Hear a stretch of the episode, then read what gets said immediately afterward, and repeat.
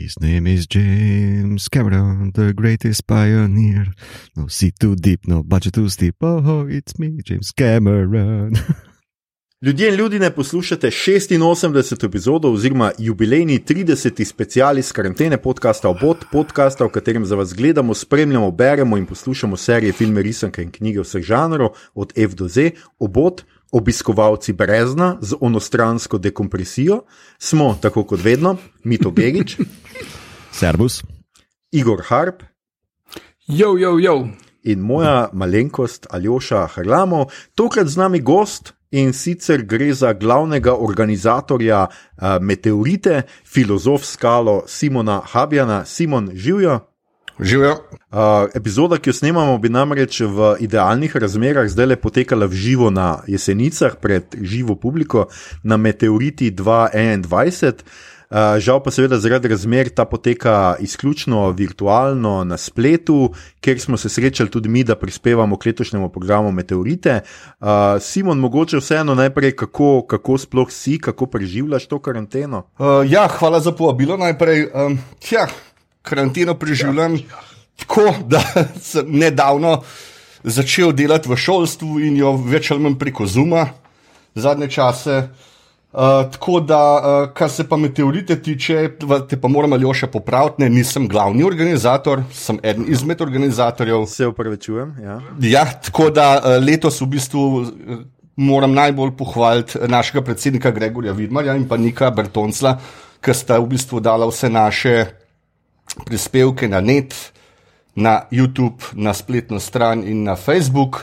Tako da, ja, letos žal ne pred občinstvom, ampak preko spleta spremljamo meteorito. Ki je v bistvu predstavljena iz lanskega leta, ker globine bi mogle biti že v letu 2020. Mm. Ja, lani je pač sploh ni bilo, ker smo vsi nekako pričakovali, da bo letos ful boljš. kršni, kršni idioti, res. Uh, ampak. Uh, Uh, ja, super. Uh, skratka, povabimo vse k meteoriti, skratka, kje lahko spremljajo ljudje, kar, uh, če bi želeli karkoli spremljati. Uh, ne, spremljate lahko, bom rekel, na naši spletni strani meteorita.si, vse imamo tudi na Facebook strani Meteorita, imamo tudi svoj YouTube kanal Meteorita. Zdaj, zadeva je takšna, da smo letos se odločili predstaviti globine človeškega telesa, oziroma globine na splošno.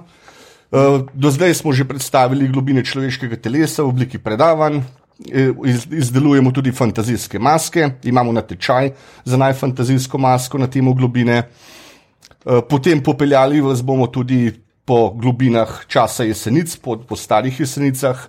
V soboto bo odprta tudi razstava na temo globin. Eh, 9. aprila, ko je pa obletnica, 12. obletnica padca meteorita, se pa podajamo v vesolje in bomo predstavili tudi meteorit uh, iz Javori. Tako da bom rekel, program je kar pester, pač poskušali smo narediti nekaj, da bi bilo za vsakega. Ne. Seveda bom rekel, bo, je pa tudi ta naš pričujoči podcast na spletnih straneh oziroma na Facebooku. Ja, seveda. Um, hotel sem reči, da se seveda vsi vseeno veselimo, da, super, da, da, da ste, da se trudite, no, da stvari živijo tudi na spletu. Se pa seveda vsi veselimo in upamo, da drugo naslednje leto, da se spet srečamo uh, v živo uh, na jesenicah pred živo publiko.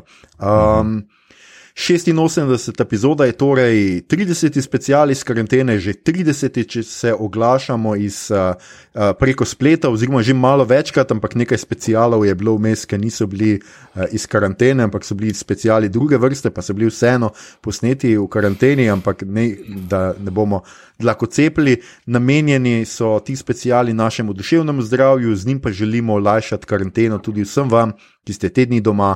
Upamo, da to obdobje preživljate brez prevelikih pritiskov, finančnih in drugih, med svojci, zdravi, ljubljeni in na varnem.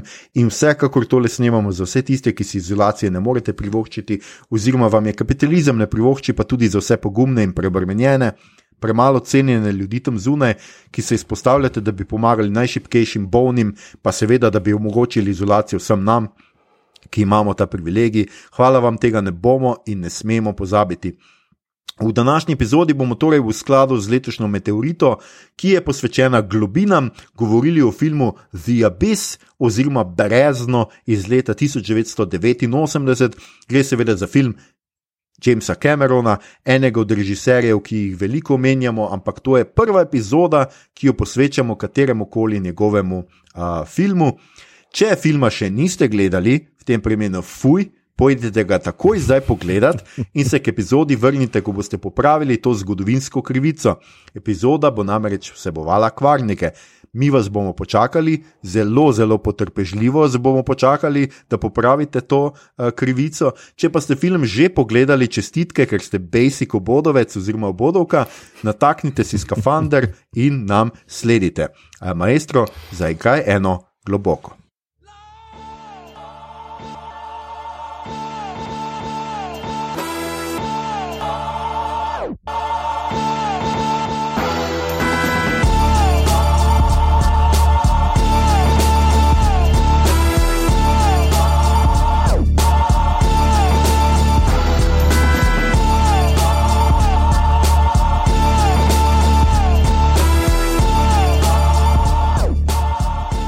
Okay, nazaj smo, uh, še vedno smo mi, uh, še vedno govorimo do, o filmu The Abyss iz leta 1989. Fun fact: jaz sem bil star šest let.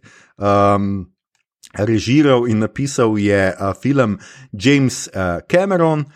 Pred Breznom je naredil Terminatorja v 84. Uh, Aliens, se pravi nadaljevanje, čakaj, tretje nadaljevanje, ne.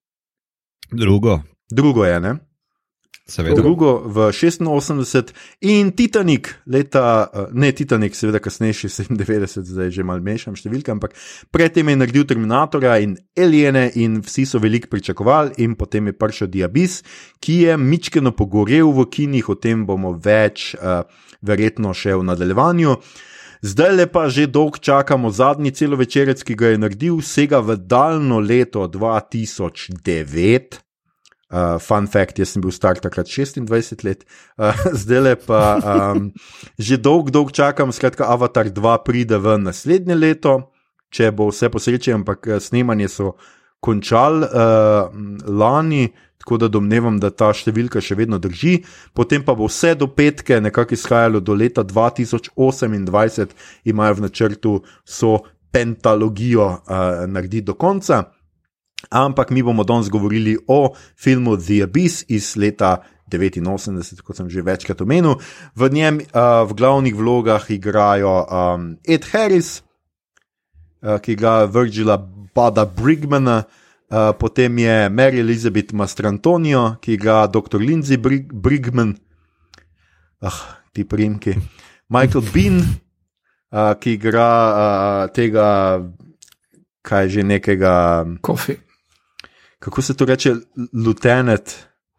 eh, v Poročnik. Poročnik, hvala, Igor. Uh -huh. Poročnik, jaz to teh vojaških nikoli ne vem. Skratka, poročnika eh, marincev, um, potem pa sta še Leo Burmester kot Catfish de Vries in Todd Graf kot uh, Alan Hippie Carnes. Se verjetno je še kdo, ampak večinoma um, ima to zelo majhen cast. Zdaj, um, jaz ne vem, če moramo govoriti, kje ste Eda Harrisa videli. Če ne veste, kje ste ga videli, vam jaz tudi ne znam, Polok.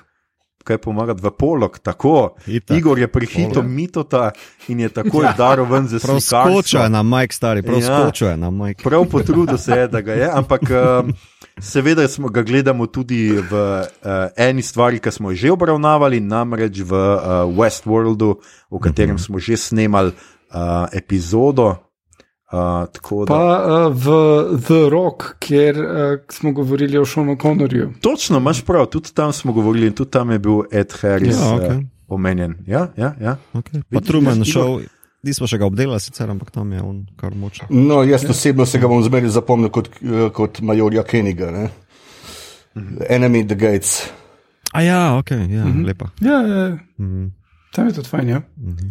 Um, drugače, Mary Elizabeth Mastrantonio imamo iz uh, um, Robina Scarface. Huda. Aha, Robin, Robina Hood. Huda. Robin Hood, itak. Robin Hood, Ja. seveda. uh, Scarface, ne vem zakaj je tle napisan The Perfect Storm, ampak okay, mogoče je to tudi omembe vreden film. Mislim, water-based, tako da ja. Aha, ja, veš, mogoče to je. Uh, Michael uh, Bean ali Bean ali Bean, skratka, ne vem, če ste Bean? opazili razliko, ampak. Uh, uh, Um, Je pa bil v Terminatorju. je bil pa seveda v Terminatorju, tako je pa v Tombstonu, meni je. Uh, uh, v Tombstonu pa v Navy Seals je igral v filmu. Skratka, Ja, Tudi pa v Mandalorianu, Ja, peti del Šoka, The Jedi, uh, druga sezona, je on igral onga um, šerifa, no, da se tako izrazim. aha, je, dejansko, je, dejansko sta z Edom Harrisom skupaj igrali v Alcatrazu. Tudi to je. Ja. ja. Aha, vidiš, pa še valka No, pa se, seveda je bil v Aliens, Itak. pa lušen, Luštno. poleg Aliena. Ja, mislim, poleg Aliena. Absolutno, Igor. Pol Razer, pol Razer ne more biti ta lušen.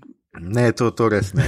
Um, zdaj, Leo, ta burmestra, jaz nisem zdaj neki, da bi. Uh, vidim, da ima tle No. no. napisano The Last Temptation of Christ, recimo, pa Lone Star iz 96.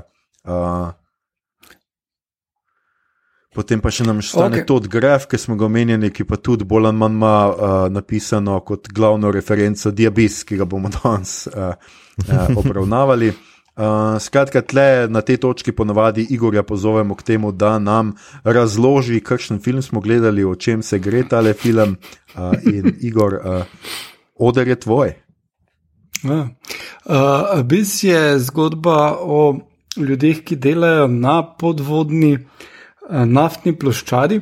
Zdaj, uh, ko je film nastajal, se je vsem zdelo full cool, da imaš lahko naftne ploščadi sred morja, ker pol ne onesnažuješ okolja, kjer živijo ljudje. Dan danes je pač to, sploh ne bi več imeli naftnih ploščadi in ne bi več črpali nafte, če je le možno, nekako se družba nagiba k temu, tak, da to, kar oni počnejo, actually ni kul, cool, ampak je pa zelo high-tech. In gremo s- skozi, da je to high-tech. Podvodno naftno ploščad so razvili fulsoface uh, in potem nenadoma vleti vojska in reče, mi rabimo vašo podvodno ploščad zato, da najdemo eno podmornico. Ne? Um, prva scena, že, ki jo vidimo, je pač na tej podmornici, uh, zelo vredno posneto, uh, uh, ker se pač znajde v, v neki paniki, v nekem strahu z nečim, kar se prehitro premika, in potem se zabijajo in potopijo. Uh, ti zdaj je zelo, zelo vredno posnet, ker imaš cel cel občutek, da jim bo ratalo, nekomu bo ratalo, in potem vsi umrejo, in si tako, ok, kaj to gledam. In pol je ful bolj upbeat, da je film, ki pač spoznamo naše uh, šlosarje. ne. Se jim pridružijo vojaki, se jim pridruži bivša žena od uh, kapitana, I guess, ker je to tudi plovilo, uh -huh. poveljnika te ploščadi, uh, ki je in tudi sama inženirka in je pomagala zasnovati, in ko je treba, jo tudi pomaga popraviti. Uh, oni najdejo tisto podmornico, ki je tam uničena, in hkrati pa ugotovijo, da se tudi spodaj pod morjem nahaja nekaj, kar ni z tega sveta, oziroma neka in, inteligenca, ki ni človeška. Uh, voj, vojaki padajo v paniko, tudi zato, ker je njihov poveljnik ima uh, neki uh, deep sea sickness, ne vem kaj že, kako se reče temu. Um, in se mu tresejo roke, in postaje paranoičen, in ima atomsko bombo, ki jo je iz podmornice vzel. In uh, uh, potem uh, se vse skupaj sprevrže v eno lov naokrog pod vodo, sem pa tja neki stiki s temi nezemljani, uh, plavanje pod vodo uh, na neverjetnih globinah, uh, preizkušanje uh, uh, tehnologije, ki ti omogoča, da dihaš z.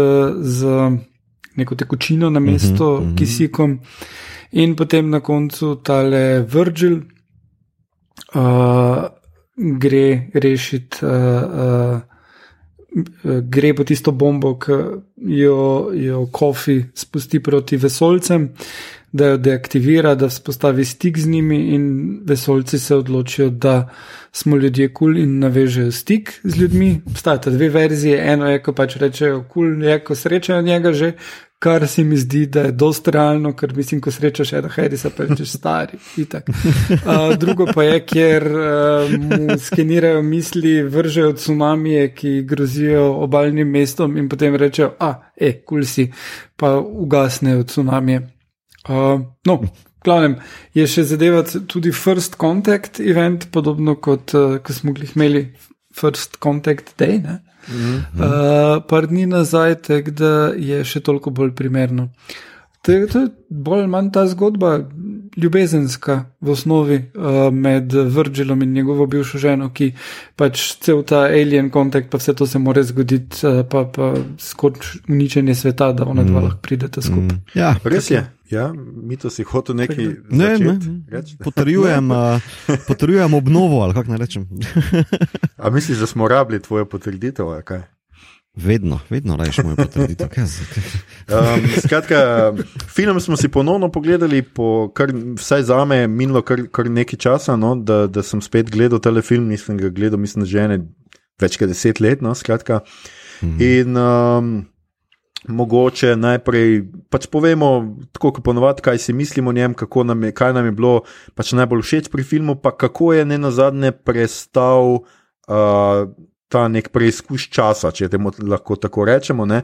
Skratka, za tiste, ki domnevajo, da smo ga vsi videli že v mladosti, najmanj enkrat, kako se vam je zdel danes, še, je to film, ki še vedno drži, um, kaj, skratka, kaj vam je pri njem najbolj všeč. Pa seveda, tako kot ponovadi, zato ker imamo gosta, začnemo seveda z gostom. Tako da, Simon, mogoče ti, uh, ne na zadnje, uh, je, mislim, da. A je bila ideja sploh že tvoja, si že ti rekel, da bi delal abis, ali smo se pol to mi? Mislim, da, mislim, da smo se že na lan, predlanski meteoriti nekako uh, dogovorili za globine mm. in abis. Ja. Ja, jaz se v bistvu no, abisa, ja. Ja, jaz se v bistvu abisa zelo dobro spomnim. Ker mislim, da sem ga videl leta 91 na eni zelo, zelo, zelo slabi VHS kaseti. Uh -huh. uh, in se ga zaradi tega zelo dobro spomnim. Takrat sem bil star, kot si ti omenil, svoje leta, jaz takrat sem bil star 14 let. In smo ravno dobili uh, video rekorder in se ga tako zelo dobro spomnim, sploh bom rekel teh podvodnih biti, ki so rekel, te kočine prišla, bom rekel, do obraza Mary Elizabeth Mest Antonijo. Mm. Uh, mislim, meni je v bistvu ostal zelo v spominu, predvsem zaradi uh, te tipične klaustrofobičnosti, ki jo imajo te globine zmerene. Sploh recimo, ne, bom rekel, ta, ta, ta neka Recimo, vse smo tudi konec koncev smo, smo gledali pač dokumentarce, kako je bil film narejen. Ne? In zdaj pač vemo, ne, kaj so vse naredili, ne, kak, da so mogli po noči snemati in da so rekel, ti, uh mhm. -huh. neke ogromne st črne stvari rekel, plavali, da so naredili to temačnost, to strašansko globino. Da, da je izgledal, kot da je strašanska globina, ni bilo kakšne sončeve svetlobe. Ne? In ta, bom rekel, ta, ta, ta klaustrofobičnost v bistvu se mi zdi tako zelo dobro, uh, zelo dobro predstavljena. Ne? Bom rekel, tudi ta drama, uh, bom rekel, ta, predvsem ta ljubezenska zgodba, ne, kot je Igor omenil, se mi zdi tako zelo dobro upeta, bom rekel, s to klaustrofobičnostjo. Tudi ta ne, to njun odnos eh, Eda Harrisa pa, pa uh, njegove žene ne, je tak, bom rekel, na začetku zelo tak. Težek, ne, zelo tako, se lahko klaustrofobičen, da res paše, ne, mi človek rekel, rekel v to globino. Ne. A bi lahko rekel, da je malo pod pritiskom? Uh, pod pritiskom, da, evo, idealno, točno to. Jaz prav apeliram danes na vse, uh, da, uh, da uporabljate te nautične, oceanske uh, fraze. Uh, Tako da, Aljoša, ne, ne ona je prestal zob časa, ampak je šel uh, v tok z. A veš, ja. Ja, in se mi zdi tako zelo, zelo taka zanimiva varianta ker glede na to, da je bil, se mi zdi, eden prvih takih, ki je zelo dobro izkoristil vso to um, CGI tehnologijo, uh, kar ste recimo poznali, bom rekel, in sfera leta ne vem, 98, ne, in potem ta Underwater, ki je bil lani posnet s Winstonom Kasselom, če je kdo gledal. Uh, mm -hmm. Zelo podobne variante. Zdi, zdi se mi, da je bis res postavil, rekel, kar se tega tiče, sploh podvodnega snemanja, neke uh, menike. Ne. Uh, Je pa zelo zanimivo, bom rekel, da je, da je um, spet eden tistih filmov, ki je povezan z vodo. Ne? ki mu in budžet, in poznejši uspeh v kinu ni bil naklonjen. Ne. Vse, kar je povezano z vodo, ne, ali pa veliko teh stvari, bom rekel, recimo Underworld, tipičen, eh, ne, oziroma Waterworld, ne, od uh, Waterworld, ja. ja. Kostnerja. Ne. Tipičen primer ne, zavlačevanje, bom rekel, snemanja, težki pogoji in na koncu v bistvu praktično propad, in v bistvu na koncu zadeva, ki še lepo znera ta kult. Ne. In zato se mi zdi v bistvu zanimivo. No. Mislim, to z vodnimi filmi je tako. Vseeno je Titanik en največjih uspešnic vseh časov, pa Jaws, film, ki je pač vzpostavil blockbuster in oba se veliko dogaja, uh, odvijata v vodi. Tako da to z vodnimi filmi je tako, tak, zelo težko jih je posnet, dostkrat so izjemno dragi. In uh, uspeh je pa ali bo ali ne bo, glih tako kot pri filmih o vesolju, uh, ki tudi si imel, ne vem, od uh, Sunshine, recimo od Danja Boyla, ki je čist flopno, in uh, en kup drugih, ki jih je pač, mislim, da če, če so malo brainy sci-fi, jih je težko tržiti in je pol dostkrat tukaj bolj problem, kot pa to, da se dogaja uh, v vodi. No. Mm -hmm. uh, Ampak pri Abisu tega res nikoli nisem razumel, ker ko sem ga prvič videl, se meni zdelo, wow. In ne vem, kako priznam, tako kot Simon, sem tudi jaz bil 14, ampak res ne vem, kaj je bilo narobe z ljudmi leta 98, ko je to prišlo ven, pa so šli v kino, pa so rekli, eh, seriously.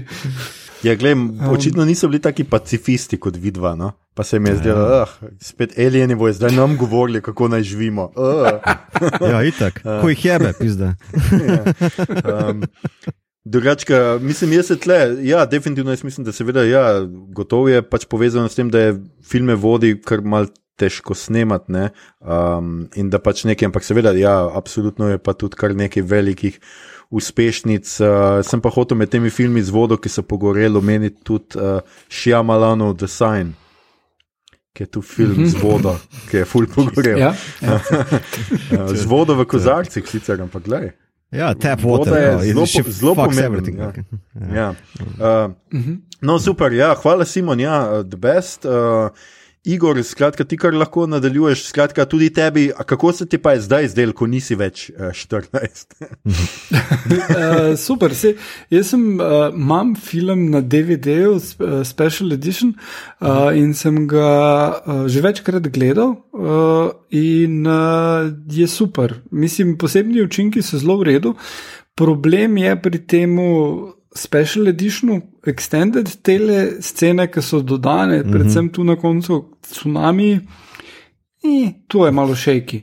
Ampak, in mislim, da dejansko jih Cameron takrat ni vključil not glih zaradi tega, ker uh, ni bil zadovoljen s tem, kako je to izgledalo, mm -hmm. in ker je moral film skrajšati pod tri ure. Mm -hmm. uh, tako da um, mislim, da je bila prava odločitev, da je zaključil s tem, da Elijani srečajo Eda Harrisa, pa rečejo, gremo na pier ali karkoli. Um, in no, mislim, kar se posebnih učinkov tiče, kar se tempa zgodbe tiče, razvoja likov. Ni temu filmu nič za učitati. Uh, ker dostkrat, če imaš filme iz 80-ih, da, imajo neki tempo počasen ali pa neke off stvari tukaj ni, to je, to je zelo tajt. Uh, ful se pozna, da je predtem naredil Aliens, ki, mm. uh, Cameron, uh, ki je še bolj našponen in zatem je naredil te dva, ki je isto uh, uh, zelo tajt. Tako da ta. Te tri filme, ki jih je naredil enega za drugim, mislim, da, da predstavljajo nek resen presežek, ki ga težko kater drug režiser lahko naredi tri toliko dobre akcionere, enega za drugim. No. Mm. Uh, in, uh, no, mislim, meni, kljub vsemu, kar je uh, uh, Cameron naredil, se mi to zdi en njegovih najboljših filmov. Ne? Vsekakor ob boku Aliens, pa te dva uh, zelo solidno stojijo. No. Ja, ja. No, okay, super. Uh, Mito, Ja, jaz se ga pa v bistvu najbolj spomnim kot uvodno špico sove, uh, ta le scena, prav z uh, tole, uh, kako so že oni temu rekli, sonda NTI-jev, uh, ki pride noter v ladjo in potem posnema njihove obraze. Mm -hmm. To je bila vodna špica sove, uh, s čist drugo glasbeno yeah. Ja, ja. podlago. In imam še vedno, tudi zdaj, ko sem ta film gledal, pričakoval to glasbeno podlago od sove. Um, um, uh, morda vem, morda mlajšim. Gledalcem razložimo, kaj je Sova. Sova je bil um, kaj? program, ki je združeval filme in TV serije na pozno večer na RTV 1 ali 2, ne vem, nekaj tega, eh, v ja, začetku 90. Eh, pozno po noči. Uh, poleti uh -huh. uh, je bilo to na sporedu. Uh, celo poletje uh, so imeli serije in filme, uh, full dober izbor. Uh, in to je bilo v špici, uh, bila je pa takrat še ena vodna stvar, eno sezono, se spomnim, zelo meni dve leti, je bila Sequest, uh -huh, uh -huh. uh, DSV prav, ono, vsak večer bilo treba biti doma do ne vem, pol enajstih ali kdaj, da se je začelo ja, tisto uh, Sequest. Pogledal da je tisto bilo super. Mm. Ne, da, jo, to je bil moj ja. prvi stik uh, z, uh, z uh, Abisom, tako da ja, najlepša hvala, javni servis. Uh, um, meni je film predvsem zanimiv, uh, če ga postavljam zraven tega, kar sta vidva že vse povedala, torej uh, lepa akcija, uh, dober tempo, kul cool razvoj likov. Čeprav imam pri likih tudi mogoče kakšen komentar več, zato ker v bistvu gledamo tri like, vsi ostali so neki priveski zraven, ne, brez nekega razvoja ali kakorkoli. Um, mi je predvsem kul cool kot uh, akcijski film, ker to Cameron zelo dobro vlada, on je meni res top shit. Uh, režiser za akcijske filme. Od sedmih, ki jih je posnel, je v bistvu vsak lahko bran na ta način kot akcijski film, tudi Titanic, ker druga polovica je mhm. itak akcija. Uh, True Lies, uh, ne smemo pozabiti, je ena super akcija.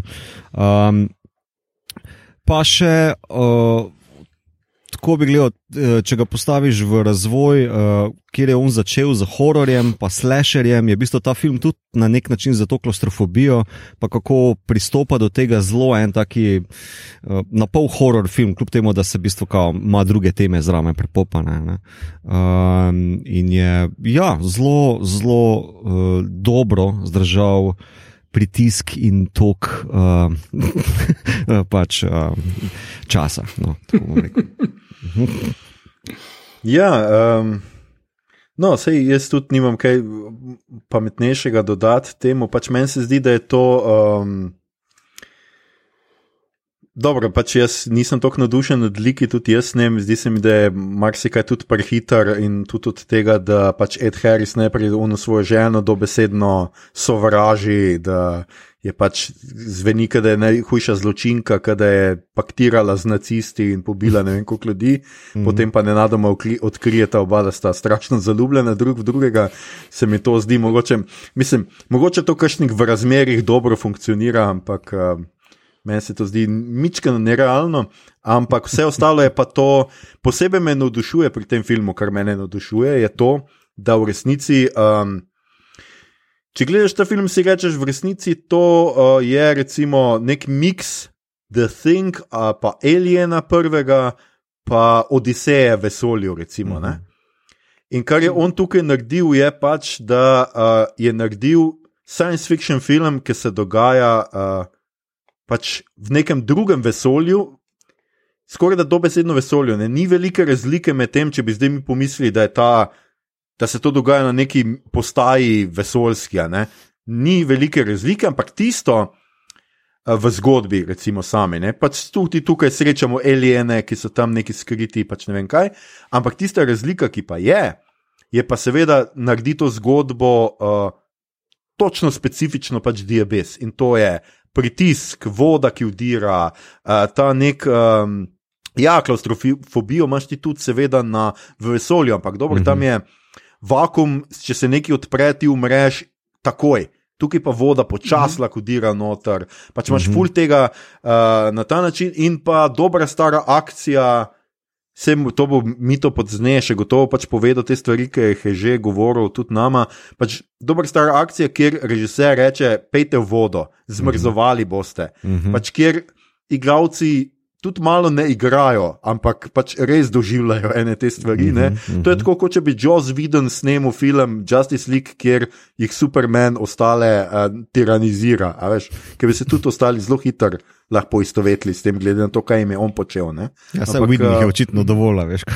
ja. Ampak hočem reči, mislim, to je zdaj sicer bila malo neslana šala, mm -hmm. ampak hočem reči. A veš, to je nek pristop k snemanju akcijskega filma, ki se zdi zelo otipljiv, zelo fizičen. Uh -huh, uh -huh. In potem so tudi ene rešitve, ki pridejo iz tega. Pač, gledaj, sorry, jaz mislim, da je način, kako ti sne, delaš nekaj, zelo uh -huh. povezan s tem, kaj pol dobiš. Tudi, sebino, uh -huh. tudi na vsebino to vpliva. Danes, ko ti lahko uh -huh. CGI-jem vse narediš. A veš, si lahko zmisliš, katero koli zgodbo, nimaš nobene omejitve, tukaj imaš pa ti ene stvari. E meni se zdi ful dobro, recimo, tisti trenutek je meni še vedno nekaj najbolj grozljivega, so mi eni trije prizori v, v tem filmu ena je una klinčeva podgana, ki se tam utapla, yeah. Ja. ki si tako, fakt se sem že pozabil, je to bila res podgana, pa se je res yeah. Ja. utapljala, je ne. Yeah. Ja. Ok, skratka, um, pozabimo to. Drugi prizor mi je, seveda, ko se mora ona utopiti, da je on pripelje nazaj uh, med žive, ker si tudi tako, fuk ne, mm -hmm. ti si nor, mislim, kakšna rešitev ti je to, nobena.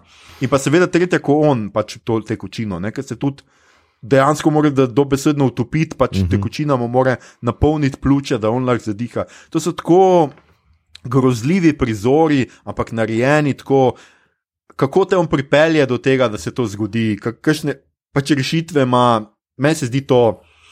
Pač briljantno. No? In tukaj Cameron mm -hmm. reč se res pozna, da zna. A veš, to, kar mu recimo pri teh zelenih, marsovčkih, hipijevskih okrog onega drevesa ni tako dobro uspel, ker je res vse to CGI, da v resnici niti treba na nič več misliti, se meni zdi. No. Pač meni. Avatar ni tako super film, no, če smo no. že pri tem. Tu, uh, na tej Simon, točki si hotel. Ja, ja. Bi, po, bi polemiziral, ampak dam Simonu prednost. Ja. Meni je v bistvu to zanimivo, ali pa to mi je v bistvu nekako zelo pri Cameronu všeč, da je tukaj, recimo, Alien je pozitivc. Je pozitivni lik, je alien. Ne, recimo, ne kot, recimo, Če, zdaj, če gledamo na splošno globine vesolja, recimo ne, Event Horizon. Ne, recimo, ali pa dejansko kot ti vodne, vodni filmi, ne, recimo Sfera, Underworld, ki sem ga prej omenil. Rekel, to so bili vsi, rekel, alieni so bili negativci. Tle je pa pozitiven, pozitiven lik, ne, ampak ni čizi je naredil je zelo dobro, bom rekel, postavljen v samo zgodbo in se mi to zdi, kao bom rekel, redu neko, v bistvu neko upanje daje, kot bom rekel, vse tisti, ki so pa drugačni, so pa naši prijatelji, pa ni nujno, da so naši sovražniki. Ne? Pa ni tisto, kar najdemo v globinah, samo nekaj strašnega, lahko je tudi nekaj pozitivnega. Recimo, ne? uh -huh, uh -huh. Ja, ja, to se čistrinjam. Ja. Uh, tudi je, Ne jemljem jih sicer kao čisto a, a priori pozitivce, ko oni vseeno tam le, uh, mislim, kjer je dušbegi. No? Oni kar uh, uh, pošljajo tisti tsunami, uh, ne vem, tisoč čevljski uh, valov, uh, val ali kakorkoli na vse obale sveta. Uh, pa se pol po ogledu par SMS-ov odločijo drugače. Itak pa se odločijo, kako bojo sodili nam um, preko TV-ja. Tako da najlepša hvala za ta uh, sodba. No, mislim, to, si, da ste že slišali za Prime Directive, mogoče kao, ne se vtikovati, pizda. Uh, Star Trek referenca še pred Star Trek kotičkom, lepo. lepo. Uh, no, to, to z TVM ne, je, je tudi referenca, mislim, da na kontakt, uh, ker ne vem, zdaj, če je bila knjiga takrat Karla Segana že zunaj, uh, kjer je pač to uh, prvi signal, ki ga alieni sploh dobijo od človeštva, je Hitlerjev, uh, uh -huh. so posnetki Hitlerjeve parade uh, olimpijskih iger uh, v, v Münchnu. Uh, in uh, je, je to uporabljeno kot uh, uh, informacija. Uh -huh. um, Tako da to, to se mi zdi, televizija je pri nekem first contactu večkrat v, v sci-fiu igrala neko vlogo in tudi kot neka predstavitev človeške kulture v 80-ih. Ja, in tako deluje. No? Se bil dominanten medij. Um, ja, ja, ampak po drugi strani se mi zdi pa vseeno bolj, mislim, tle je on tudi iskal, po mojem, neko, nek način komunikacije, ker pač ti alieni ne govorijo in bi res bilo smešno, če bi zdaj govorili v angleščini ali pa ne vem kaj. Ne. Ja, zdi, ne, da, se, se razumem. Pa tudi mislim, da lej, osnovni koncept je bil, on nima no- dejansko nobenega bad guya z, uh, rečemo, travmi iz otroštva, agendo. Ne? Ker tudi uh, tale Marinc, on trpi zaradi tega neurosindroma, zaradi pritiska, dekompresije. Ne? Um, alieni so pač uh, malo zmedeni, ker gledajo glupe kanale, očitno pa Fox News. Um, uh, eh, mislim, da glavni bed ga je tu res okolje, ta abis. Zato je v titlu, po mojem, prav ta um, nemogoč uh, uh, okolje, v katerem se znajdejo ti naši liki. Ne? In to mislim. Da se vrnem malo na tisto, kar si ti ali še pregovoril. To mislim, da je nekaj, kar Cameron zelo dobro počne. On furat poenostavlja, uh, subtilnost mu je bolj ali manj tuja, uh, bolj njega kurac ne, za te neke podtone. On pač reče dobesedno, to je to, to so ti naši liki, gremo dalje. Ne? Ampak v čem je pa on full, full, full dober nad tem, je da v bistvu v vseh akcijah ali pa v scenah, ki jih postavlja ob akcijo, uh, pokaže, kaj ti liki doživljajo.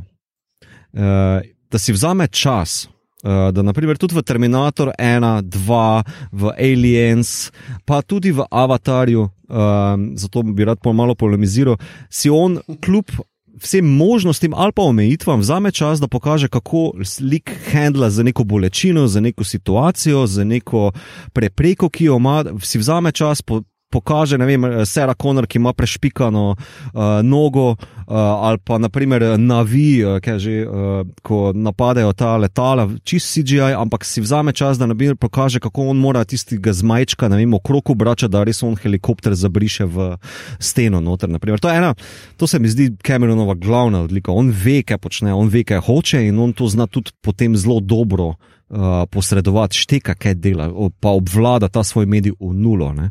In tudi, mm. kar je meni, naprimer, v prvih minutah tega filma všeč, najprej pokaže podmornico, fakt, vse je navarno, ta pritisk te vzjebe v nulo, to zaštekaš v parih minutah. Pol pa v parih minutah, uh, ko uh, nas predstavi za to posadko, dobiš full lepo geografijo um, te ploščadi. Ne?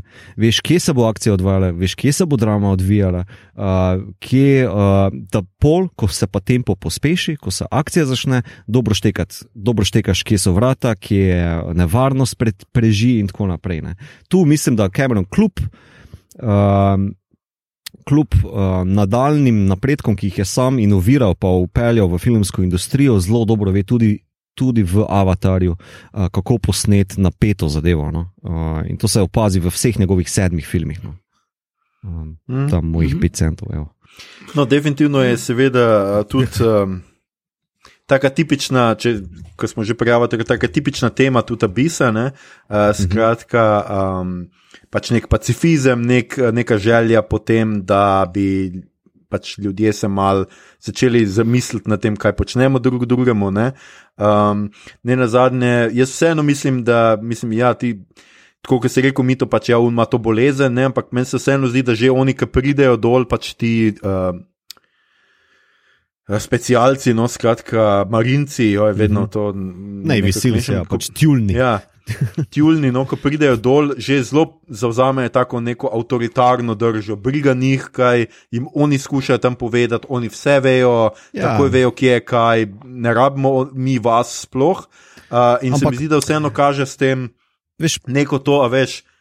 Kakšni so, so vojaki? Ne? Malo so arogantni, mislim, zato ker se jim mudi. Jaz sem tako razumel. Veš, kako oni skušajo rešiti svoje pajdaše, ki, za katere sumijo, da so najbrž zaprti od spodne. To je ta phase one, ki mu on zvrha reče. Nek, sem tako razumel. Sem dobo vibe, da oni že več čas vejo, da tam ni koga za rešiti in da v resnici jim je to sam izgovor, da grejo na plan B, ki je pač uh, ubiti tega sovjetskega. Um, Ampak ja, pač meni se zdi ja. zelo pomembno, da ja, sicer ja, unemo se meša, pa pol se mu tovariši uprejo, ne na mhm. zadnje, ne, pač drugi vojaki mm -hmm. tudi.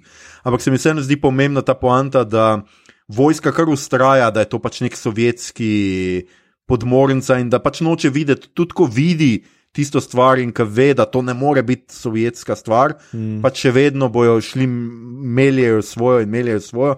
Skuša. Še bolj pa se mi zdi zanimivo to, kako ta nek badov šovinizem, ki se vendar kaže v odnosu do žene, ne, uh, čeprav pač tukaj jaz ne bi s tem pretiraval, ker je res do nje in pač očitno ima ta nek slab, uh, ampak njun odnos je vseeno ni tako simpel, je malo kompleksnosti noter, polk se pogovarjata, ampak se mi vseeno zdi ful zanimivo, kako ta njegov šovinizem, ki ga on govori, ampak se kasneje izkaže, da sam ni tak, ne, da je sam kot nek. Že malo feminističen moški, da skratka spoštuje tudi svojo ženo, da se da z njo, če je ne sovraži, se znata tudi dobro pogovarjati. Po drugi strani pa vojak, ki ne reče nič grdega o njej ali pa kakorkoli, ampak na koncu seveda se do nje tudi tako. Obnaša, uh, najprej ugrabijo njo, pač hočejo njo imeti kar zaščitne, tam pa hočejo prisiliti, um, skratka, pač za talko dobesedno jo pograbijo, mm -hmm. ne pa jo morajo unreševati. In, in se mi zdi, da se tukaj kaže, in da je Cameron vendarle, ja, ni super subtilen človek, no, ampak se mi zdi, da v tem filmu vseeno obvlada neko subtilnost na ravni, vsaj tudi recimo grozljivke. Na zadnje je bis malo je, ima feeling te grozljivke, ker mi tega Elijana vidimo, v resnici ga ona vidi šele kaj po eni uri filma. Ja. Mhm. Prvič, Ja, da ga ja. res vidi, ne? Ja. s tem, da vidi tisto Predtem neko. vidiš, kako se sveti naokrog, pol pa da, ko je tisti obraz, ta najbolj Ja. znana scena, to je to pa je že ena ura mimo. Ja, ja, ja. Uh, in, in to se mi zdi prav, ker mislim, če bi jih že na začetku videl, bi imel neka pričakovanja, kako se bodo oni odzivali, tako pa ti do te točke ne veš, kaj so ti. Ne veš, ali so nevarni ali ne, takrat ugotoviš, da niso v bistvu. Ne?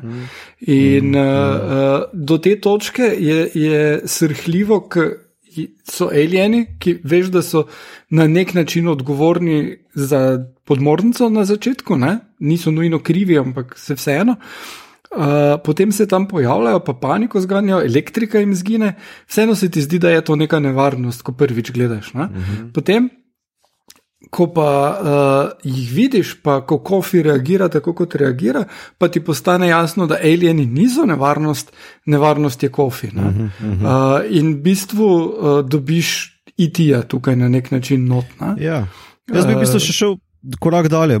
Cameron se v bistvu potrudi, da pokaže vojsko kot uh, brez domišljije, pa panično. Pa vedno, je, eh, vedno se mi zdi, da je Cameron, tako, tudi v ostalih filmih, ne, znanost proti vojski. Ne.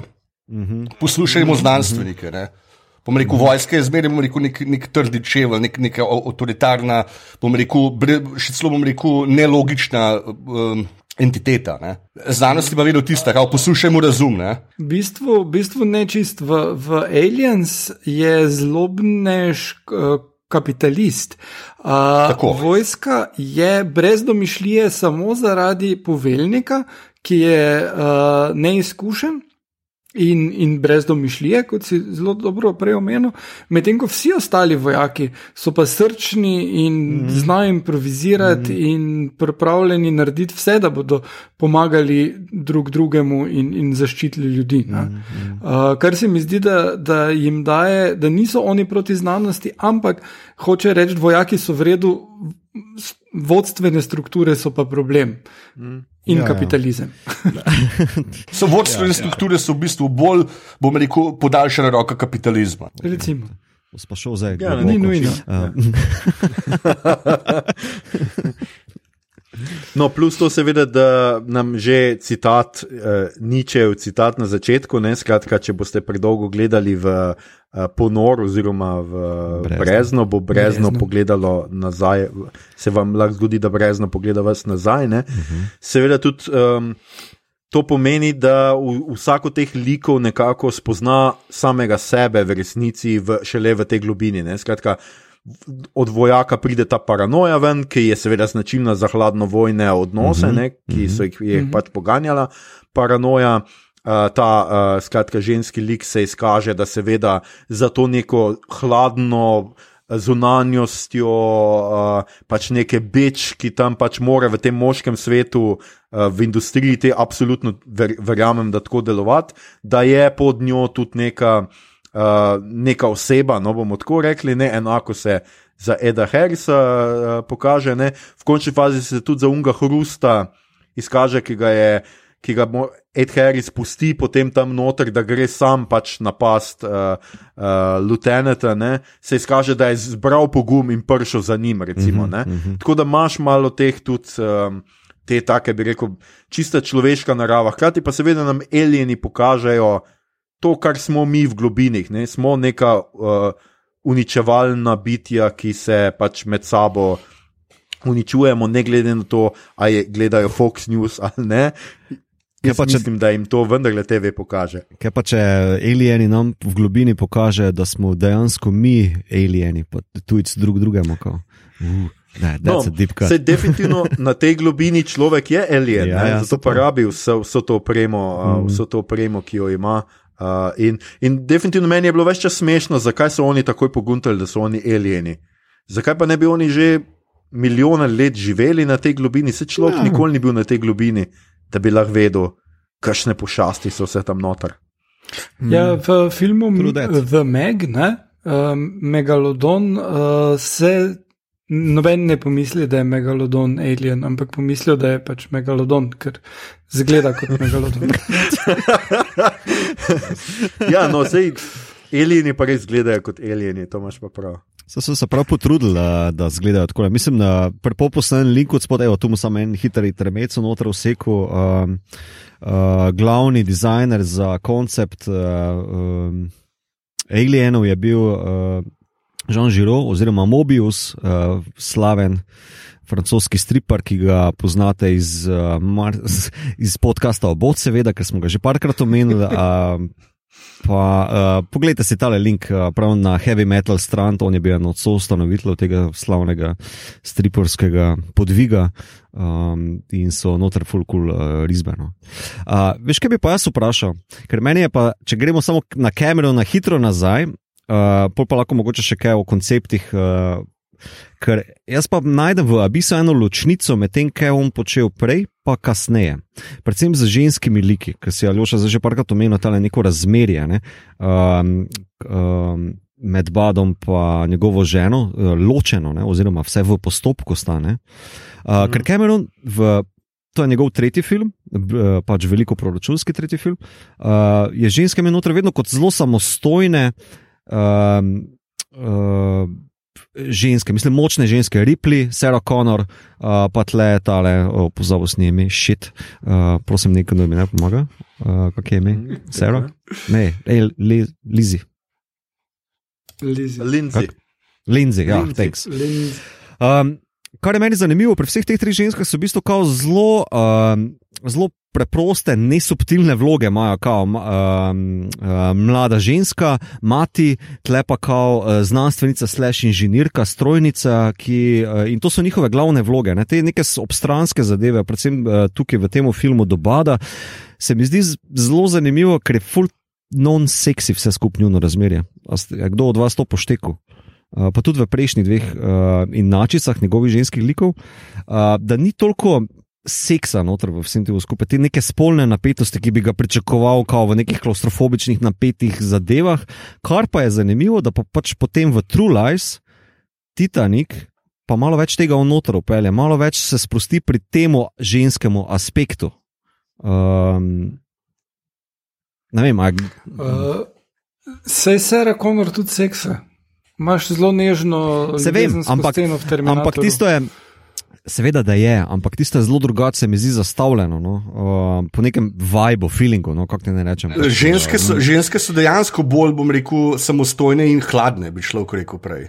-hmm. Se strinjam, ja, definitivno. Ja. Jaz, jaz imam neki tak feeling, no, da v teh prvih treh filmih je imel uh, absolutno samostojne, pa kot feministične like, seveda. Uh, samo da mogoče na ta aspekt, spolni aspekt ali pa uh, erotični aspekt, uh, gledam tu oboje stransko, moško in žensko, ni toliko. Uh, pozornosti polagal. No, to, to ima meni feeling v njegovih prvih treh filmih. Medtem ko tam Schwarzenegger in Jamie Lee Curtis, naprimer, je pa imaš že full več tega noter ne, v njihovem razmerju, pa več tega posnetega. Ne. Um, Sorry, Ed Harris je uh, full tukaj, zgoraj brez plava in vse to ne vem. Ja, samo komu on to kaže. Mislim, lej, njuno razmerje je bolj ali manj hladno na robu propada, pa tudi če sem čisto odkrit, ona, kako se odziva že kasneje v filmu, ne, po vseh teh akcijah, ni glih kao nek, neko razmerje, ni glih kot nek lik ali pa nekdo, ki se je za kar naenkrat utopil, pa skužil, oh, fuck, se mogoče pa še je tle neki.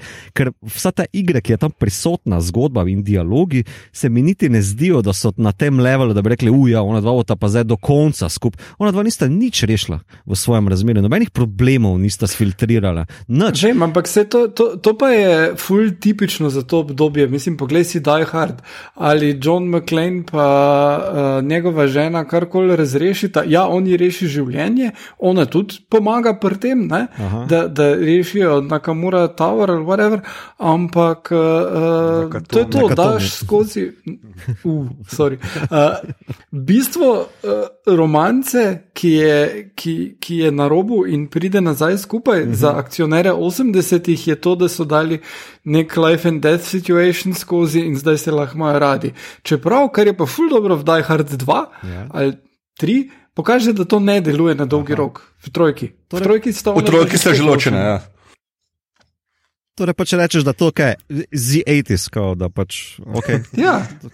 Mislim, se kupimo, razlago, okay, samo pač meni je zanimivo, da je pač glih le ena leta 89 ločnica ne, in prav pri Cameronu. Uh, Ne, uh, mislim pa, da v, in v Terminatorju prvem imaš tisto romantično sceno, in v Aliens uh, imaš en kup spogledovanja med Hicksom in uh, Ripljevo in uh, uh, Vaskezova pa uh, oni, ki umreta skupaj. Ja, ok, ona dva. Ja. Uh, Mislim, imaš te momente med liki, ki uh, presegajo prijateljstvo ampak ni, ni pa zdaj, da bi tu bila kakšna erotika uh mhm. -huh. noter. Recimo. No, se je tudi vprašanje v resnici, kaj je boljš. No? Pač ta dva lika, bat pa njegova žena, sta pač full hladna, ampak na koncu najdeta ljubezen in sta srečna, v Titaniku je ona tako zaljubljena v Vanga, da ne more logično premisliti in ugotoviti, da ima on plac poleg nje. Mislim, okay, okay. mislim da je meni bolj, bolj všeč ta variant. Jaz se pa ne bi strinjal, da, da sta tukaj oba dva hladna. Sej bat ni hladen, bat že od začetka skozi kaže, da bi on, bom rekel, se rad pobotal z njo, konc koncev. Ne? Stari, on ima dobesedno hladno roko, pizda. Ja, ki grejo veci po faktu. Grejo veci po tukaj. Ja. ja. ja. Uh, no, uh, pa tudi že, že od začetka kaže. Uh, To, da bi rad bil zgoraj, brez čim več on. Hey, Igor, zelo zanimiva mi je ta pozornost na to, to ples. Uh, ok, ok. Mislim, kudos. Ni zakaj. Nekaj tudi, veš, um, ta na koncu, kjer kulminira, kao ta, rečemo, če sploh kakšna spolna napetost obstaja, je, ko jo on uživa, on kriči na njo, uh, mm -hmm. res je huda, huda scena. Uh, mm. Ala vere, da so, so to odigrali, še posebej, ker vem, da, da v ozadju je uh, igralki dopizlo vse skupaj, ona je odkorakala iz uh, snemanja in Ed Harris uh, zadnje te kri, krike odigra v kamero, spohne v igralko noter. Um, ampak se mi zdi, da veš, vso to kričanje, vso to tako, je kot neko nasilo obuditi njun propadl eh, zakon, ki niti na koncu, če pogledaš um, zadnjo sceno, ona vas se poljubita, ampak kako se poljubita, stran od nas, razumeš? Ona tudi ne skače do stropa, do plafona, ko se on prikaže, tam od spodaj je samo tako, a ja, le, ti si pizda. Gle, uh, ona, dva, ona dva bi rada bila proč od vseh ljudi, komu šla ste razvit podvodno naftno. Uh, Tole ploščad, zato da ste lahko bek od folka, zdaj se bo tam pred kamero lupškala, kamo. Ne, ampak, le, okay, to pa bom tako rekel. Probi naslednjič, ko boš gledal ta film, mogoče je special edition, ki smo ga jaz pa Ljoša, uh, ne vem, za vidva sta gledala special edition, ko je torej 2 uri 43 mm. minut verzije, kjer je več štofa med njima. Ne? Jaz imam feeling, da tega ni toliko tam, da ta njuno razmerje je malo tako, ja, bolj posili razmer sta tukaj noter, kot pa da bo ta videla, kaj koli rešila. Lej, naslednjič, ko boš gledal, bod pozoren na te scene, me prav zanima, uh, kaj boš naslednjič komentiral. No? Okay. No, je pa tudi res, da je to en tak film za zelo za sodobnost, za današnje dni, ker ona dva dejansko svoje razmerje obnovita prek SMS-ov. Uh mhm. -huh. Ni pač, veš, pač. To je res. Ko se on začne spuščati noter. Oziroma, ona mu sicer preko glasu, no, on njej odpisuje, da je tako reči. Ja. Mm -hmm. Ampak tam je pač ta ključna, ta, niti ne meni tako slaba, pač ta, čeprav pride na popolnoma neumnem mestu in ne veš zakaj, ampak ta zgodbica o dveh svečah. No, ta se mi je zdela pač tako. Pač kratka, v temi smo dve sveči, ki bosta stala drug ob drugem in bosta vedno pač, uh, svetila skupaj. To oh. se mi je zdelo tako. Kameron, top, top subtilnost Kamerona. ja, ja, pa gledaj, no pa. Kaj bi te, tema je, tema sveča, tle so v globini, je tema, mm. to je vse, gledaj. Meni je, meni je pri tem SMS sceni najbolj všeč um, ti ostali liki, ki so okrog, veš. Um, Ja. Ne, linci, linci se ne zna z badom pogovarjati in mora biti tale uh, temnopolta, uh, temnopolti lik, uh, igralka, ne, v bistvu linci prekine in reče: Ne, fucking pogovarjaj se z njima, se ti sploh znaš po fucking pogovarjati. Ne. To vklopi empatijo, ne, kao, to je tvoj, tako se ne razume, to je tvoj mož. Pogovarjaj se mm. z njim, ne, ne za ga, veš, kako nakladati, na kjer je fucking globini je noter. Ne. In to, to sem, to, to bi rad omenil ne, na tej točki, da ti ostali stranski liki, ki so noter, se mi zdijo, pozor, kot avatari nekih določenih aspektov teh treh glavnih likov, ne, ki so v konfliktu med sabo, ne, torej moški, ženska, pa bad guy. Uh, Ker ona dva vojaka skušata ali.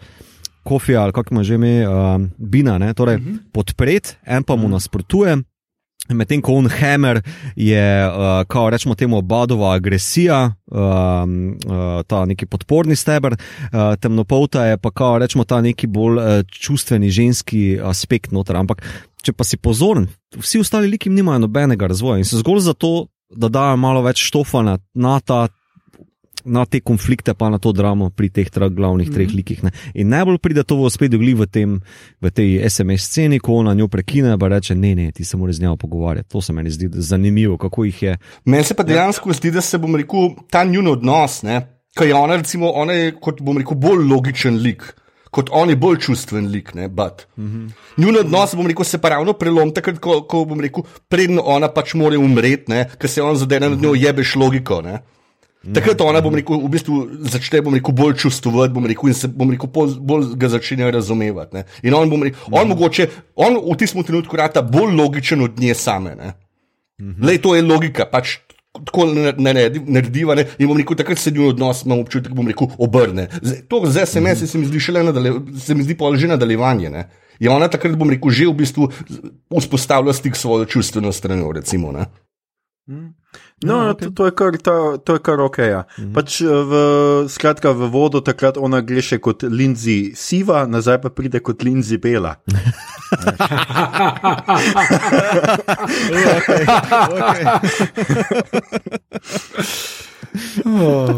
um, Lepo. Ja, uh, mislim. Uh, zdaj sem nekaj sem še hotel, ne, nekaj sem se še spomnil, vmes pa sem spet, zdaj sem v hipu pozabil, kaj sem hotel povedati. No.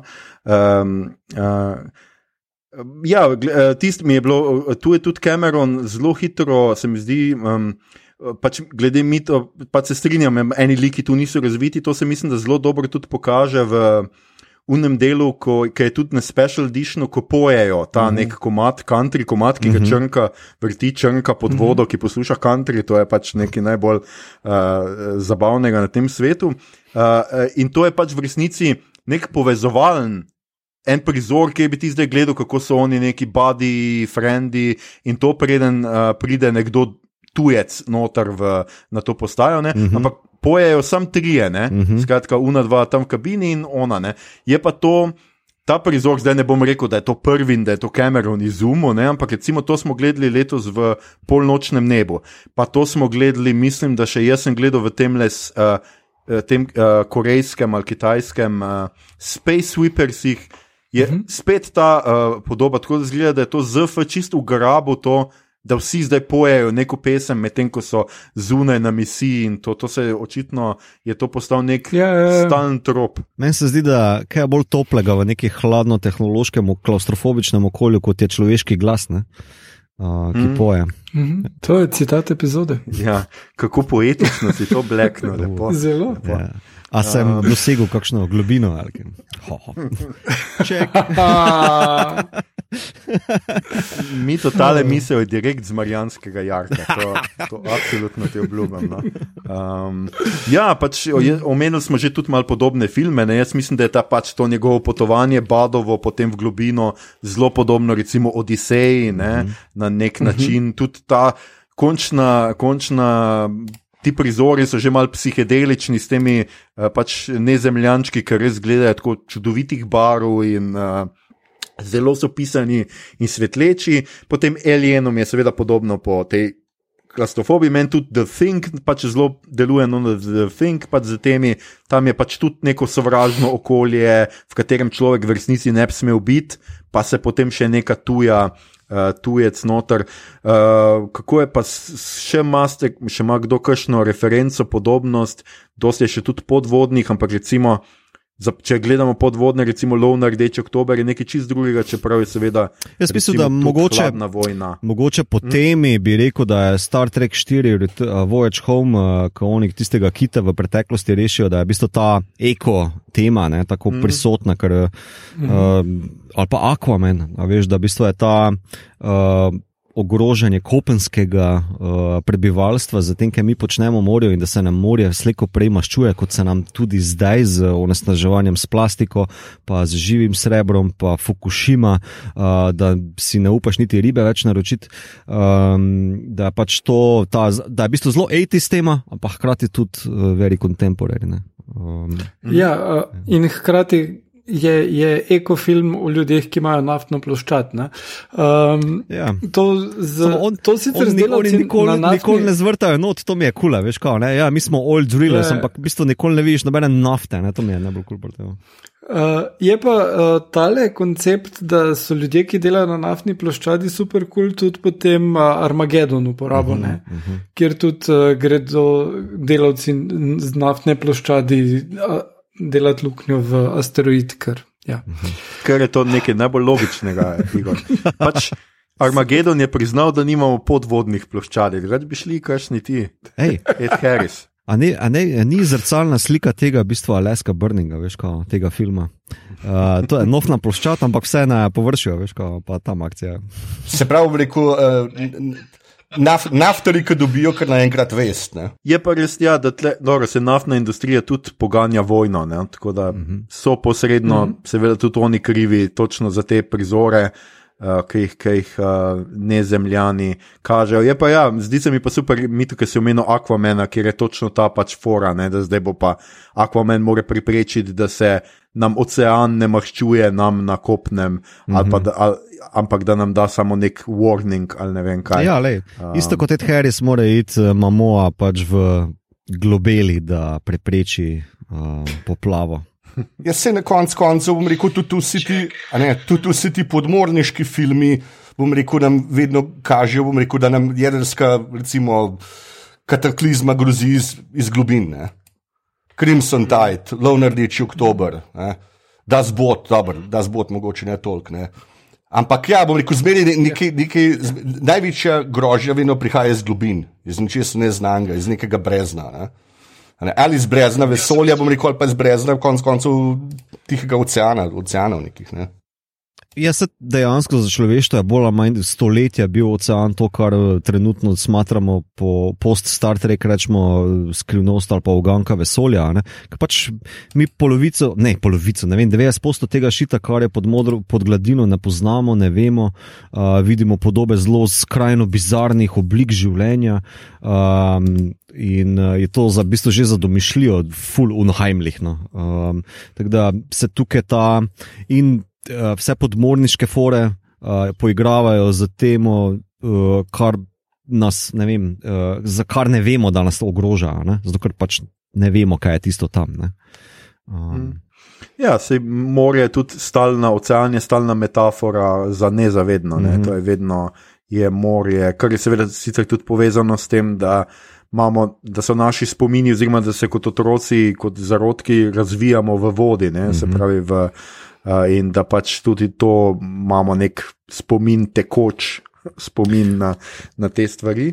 Uh, Drugače, če se kdo spomni, da je bil on film za. Ali ni to hud ja? deep cut, ker veš, preden se on utopi v tisti kao kisikovi vodja, ne more reči, ne, ne, ne, ne, ne, mhm. ne se boriti, samo spomni se, devet mesecev si dihal v maternici ja, ja. in pol on gre v neko uh, globino in na koncu ga počaka v bistvu zelo ovalen um, lik, ki potem na površje priplava. Ne, v, mislim, da en, bom dal en link od spod. Uh, eni, uh, en kratek doku je o Special Effects teamu, ki je v zadju delal Aliene in vse te uh, ekiparske zadeve, da je od Camerona prav direktiva prišla. Alien ship mora izgledati, uh, uh, citiram, circular and oval. Uh, tako da veš, se vrača v maternico nazaj. Um. Ja, se, vsa ta simbolika ni mm. za brez veze. Ni, Glej, uh, bistvo, več kar... čas govoriš, kako je, kako je Cameron nesubtilen, ja, ne glede na to. Uh, ja, no, mislim, to je še potem podobno z bližnjimi srečanji, uh -huh. uh, Spielbergovimi, vsekakor.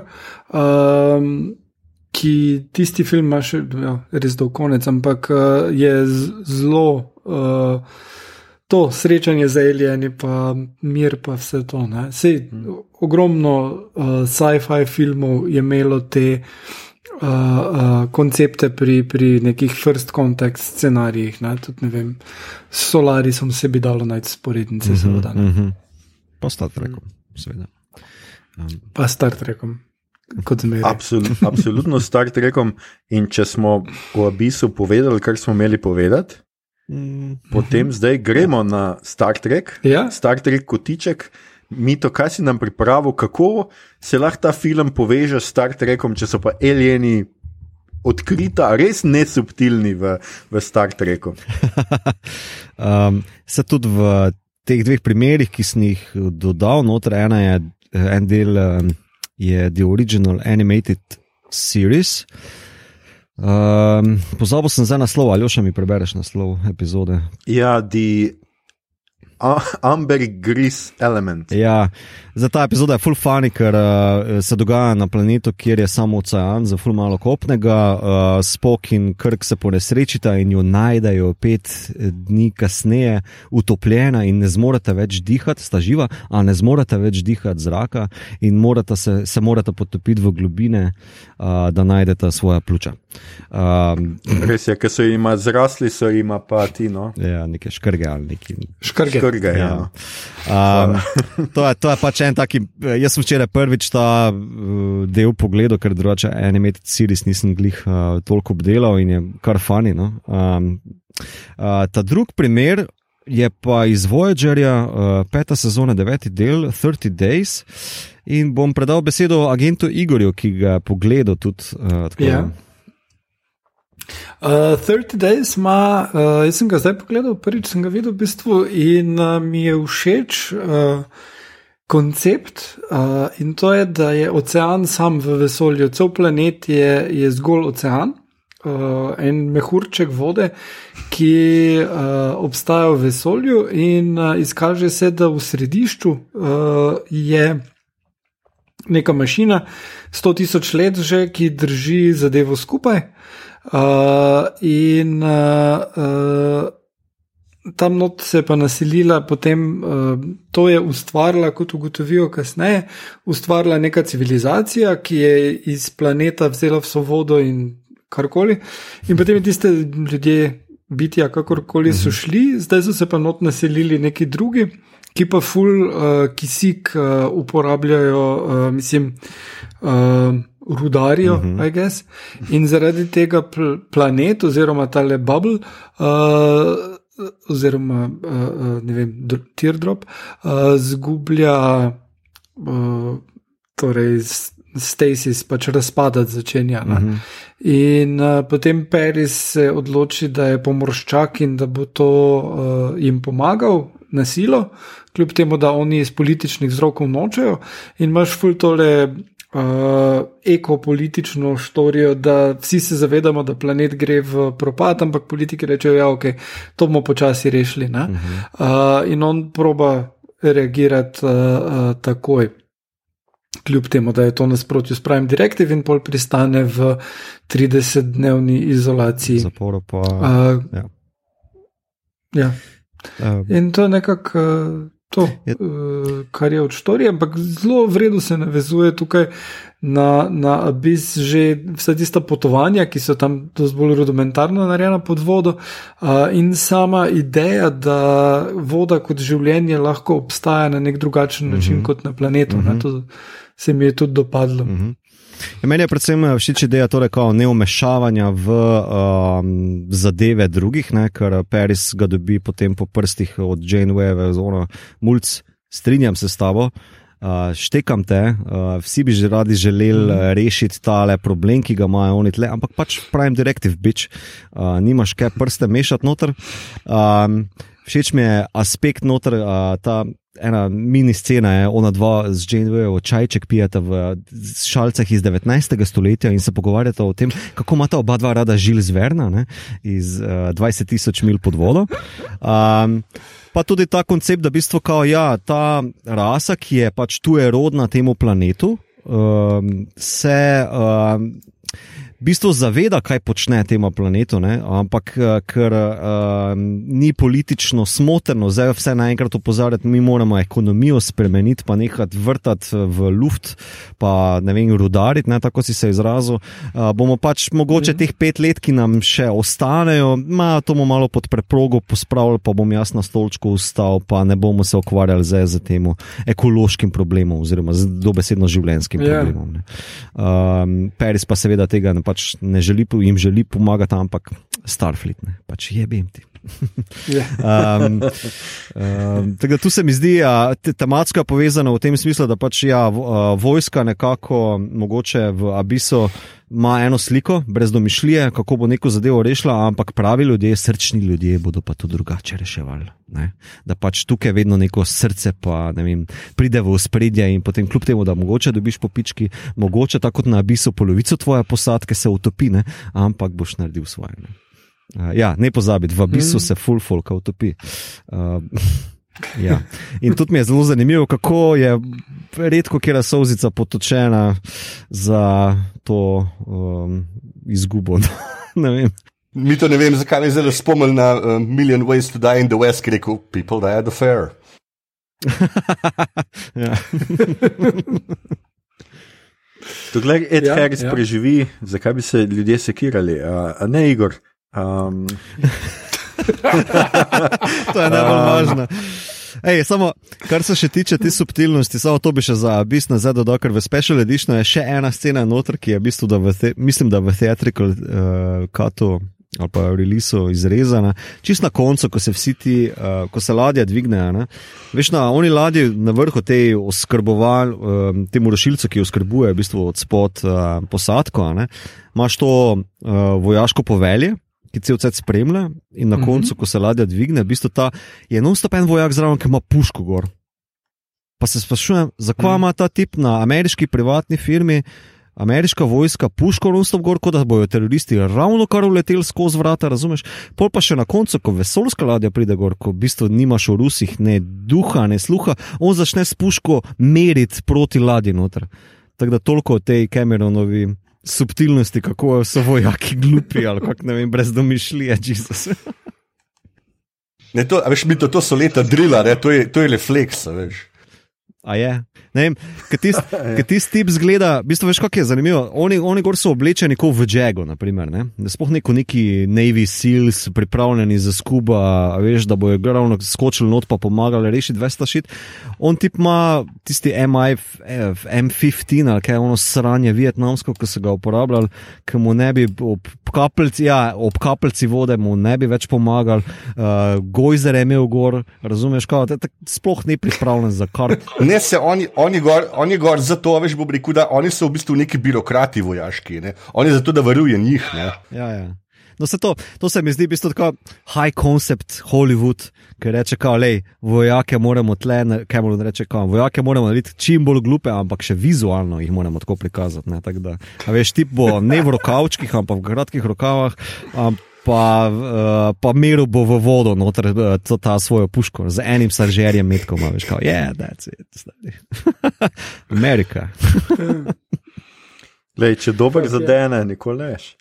Um, skratka, to je bil Star Trek kotiček in pridemo na rubriko, kaj gledamo, beremo, poslušamo, ki je tokrat specialna tudi zaradi tega, ker bo Simon imel ves prostor in čas, da pove, kaj je gledal, bral in poslušal kajti mi smo na sporedu že v torek, tako da bomo prihranili, pa jaz res mislim, da Igor je gotovo kaj pogledal vmes, no, to, to se ne, je, evo, Igor Kima in tako. Uh, tako da to se sploh ne bojim, ampak uh, mi si bomo pa vzeli malo predaha in vam povedali, kaj smo gledali, brali in poslušali v naslednji epizodi.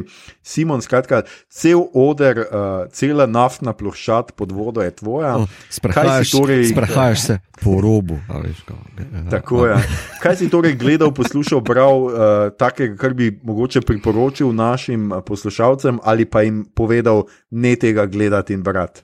Bom poskušal izliti svoj okus.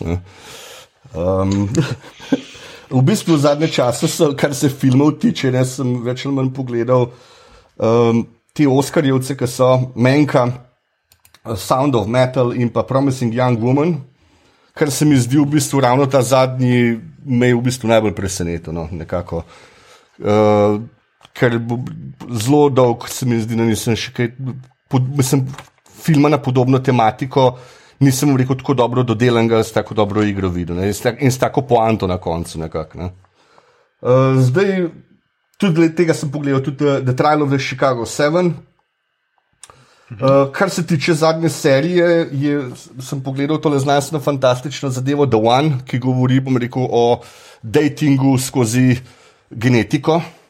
Uh, glavno logo igra Hanna Ware, Mogoče si jo spomnite, če ste gledali nadaljevanko The Boss, kjer je Kelsey Graham igral župana Chicaga in ona je igrala njegovo hčerko.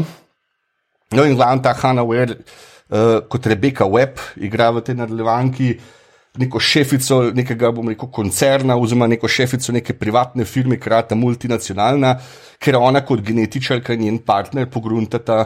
Uh, kako bom rekel, uh, spraviti skupaj, bom rekel, ljudi skozi uh, genetiko, po domače povedano. Bom rekel, skozi bom rekel, ljudi z istim DNK-jem se lahko srečajo in so si zavedno usvojeni in so si, bom rekel, zavedno. Uh, Pravi, ne, se pravi, nič več bom rekel ponesrečenega uh, dejtanja, nič več ponesrečenih uh, zmenkov, ne. vsi smo, bom rekel, pravi, ta pravi v, na, pr, na prvi šus. Mislim, zdaj, zdaj, ko bom rekel, kar sem povedal, se zdi, bom rekel, zelo na prvo žogo, pa zelo, bom rekel, se lahko sliši neumno, ne. ampak uh, koncept. Ja, ampak bom rekel, da je Levanka, osem epizod je sicer, se je pa zdela, bom rekel, tako zelo, bom rekel, gledljiva je bila, no, vsaj osebno meni. Ne. Tako da bom rekel, jo priporočam na Netflixu, je osem epizod, je, prva epizoda je bila 12. marca, Tako da bom rekel, mislim, da se da celo v šusu pogledati. Uh, zadnja knjiga, ki sem jo pa bral, je bila pa The Three Body Problem. Uh, Očitno na Livija. Uh, mislim, da je dobila 2015, je dobila Nebulo za najboljši znanstveno roman. Zadnje čase pa mislim, da smo, da smo zvedeli za to knjigo tudi, ko, ker uh, Benioff pa Weiss ne bi delala nadaljevanko na podlagi te knjige. Mm. Tako da to je mm. nekako zadnje čase z moje strani. Pa ti je všeč knjiga? Ja, ja, v bistvu jo še berem, nekako na, na, pol, na polovici sem, ampak je, uh, mislim, zelo priporočam. No. Ja, ok, uh, ful te še čaka, konec je spektakularen. Uh, in ne pričakuješ tega, kaj se bo zgodilo, res Tako da, you're, you're in for a treat. Well, thank you. to, je, to je vedno najboljši na svet za vsako stvar, ko nekomu rečeš, ej, stari, ne pričakuješ, da se bo zgodilo na koncu. Kako ti veš, jaz pričakujem vse. Mene bi v bistvu ful presenetilo, če bi bilo točno to, kar jaz pričakujem, ker to, kar jaz pričakujem, je kar odfuka. Ja. Ampak, okay, ne, samo le, nikoli ne moreš pričakovati španske inkvizicije, ampak vse ostalo pa ne no, more. Tega, tega pa res, ne, to, to je pa res. No. Uh, španske inkvizicije. Uh, ljudje in ljudi ne, ne boste verjeli, ali pa jaz ne vem. Uh, to je bila že naša 86. epizoda. Poslušali ste podcast, ki se oglaša na ime Obot, podcast za serije, filme, risanke in knjige vseh žanrov od F do Z, ki ga gosti mreža Apparatus. Z vami smo bili, Simon, to je Reflex, Habjan, uh, Mito, boli me kurat za podtone, Gegič, uh, Igor, imam film na DVD-ju, Hard uh, in, uh, in Aljoša, uh, svečka v temi, Harlamov. Uh, tole epizodo smo znova posneli preko spleta z naših domov, uh, mi se še vedno čuvamo, upamo, da se vi tudi s tem, ko čuvate sebe čuvate svoje bližnje, sosede, sodržavljane, s tem pomagamo razbrniti medicinsko osebe, čuvamo se lahko samo skupaj. Ostanimo skupaj tudi, ko smo narazen. Današnja epizoda se torej vključuje v program Meteorite 2021. Poglejte, kaj vse drugega dobrega se še dogaja, oziroma se je zgodilo. Poglejte si, kaj sodelujte, kaj in ostanite globoki. Uh, če vam je bilo všeč, kar ste slišali, širite, všečkajte naš podcast, naročite se nam preko vašega najljubšega appa oziroma ponudnika podcastov dajte nam kakšno ceno na Apple Podcasts, spremljajte platformo aparatu z odličnim izborom podkastov za vsakega. In če boste v naslednjih dneh kje srečali kakšne vesolce, pod vodo ali nad njo, jih ob grožnji z uničenjem zemlje predlagajte, naj na mesto, da gledajo televizijo, raje poslušajo podkaste. Potem se bodo naučili vse o tem, kako sjajno je človeštvo.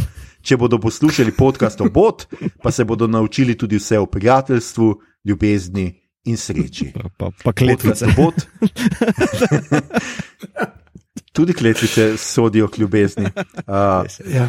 podcast obot, ljubezen, ki gre skozi uho. Uh, na Twitterju nas najdete kot podcast obot, na Facebooku in Instagramu smo podcast s KM, obot brez pikice vmes. In uh, tam delimo rajce, prikolice in druge zanimivosti.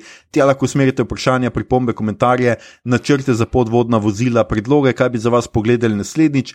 Tole je bila že 86. epizoda, 30. special iz karantene, mi pa se poslušamo znova v 87. epizodi, ki bo na sporedu menda že v torek, ko bomo delali nekaj grozljivega, kolikor to ne delamo vedno. Obodovke in obodovci, do takrat pa nam le ostanite zdravi in se poslušamo. Ajde. In imejte, moj. imejte uh, veter v jadrih. V veter v Jadrika, uh, plavaj, s, Ja. plavaj s plimo ali pa ne vem. Razmišljajte globoko. Plavaj splimo. Ne. Kak ne? Ja. Ali pa moramo Plavaš kakšno. Plavaj splimo je tako, da mrtvaka plava. Ja, ali pa to. da se utopljeni. Ali pa, ali pa ne, moramo kakšen zvočni efekt. ali- Bodite fajn. Uh, please share and subscribe.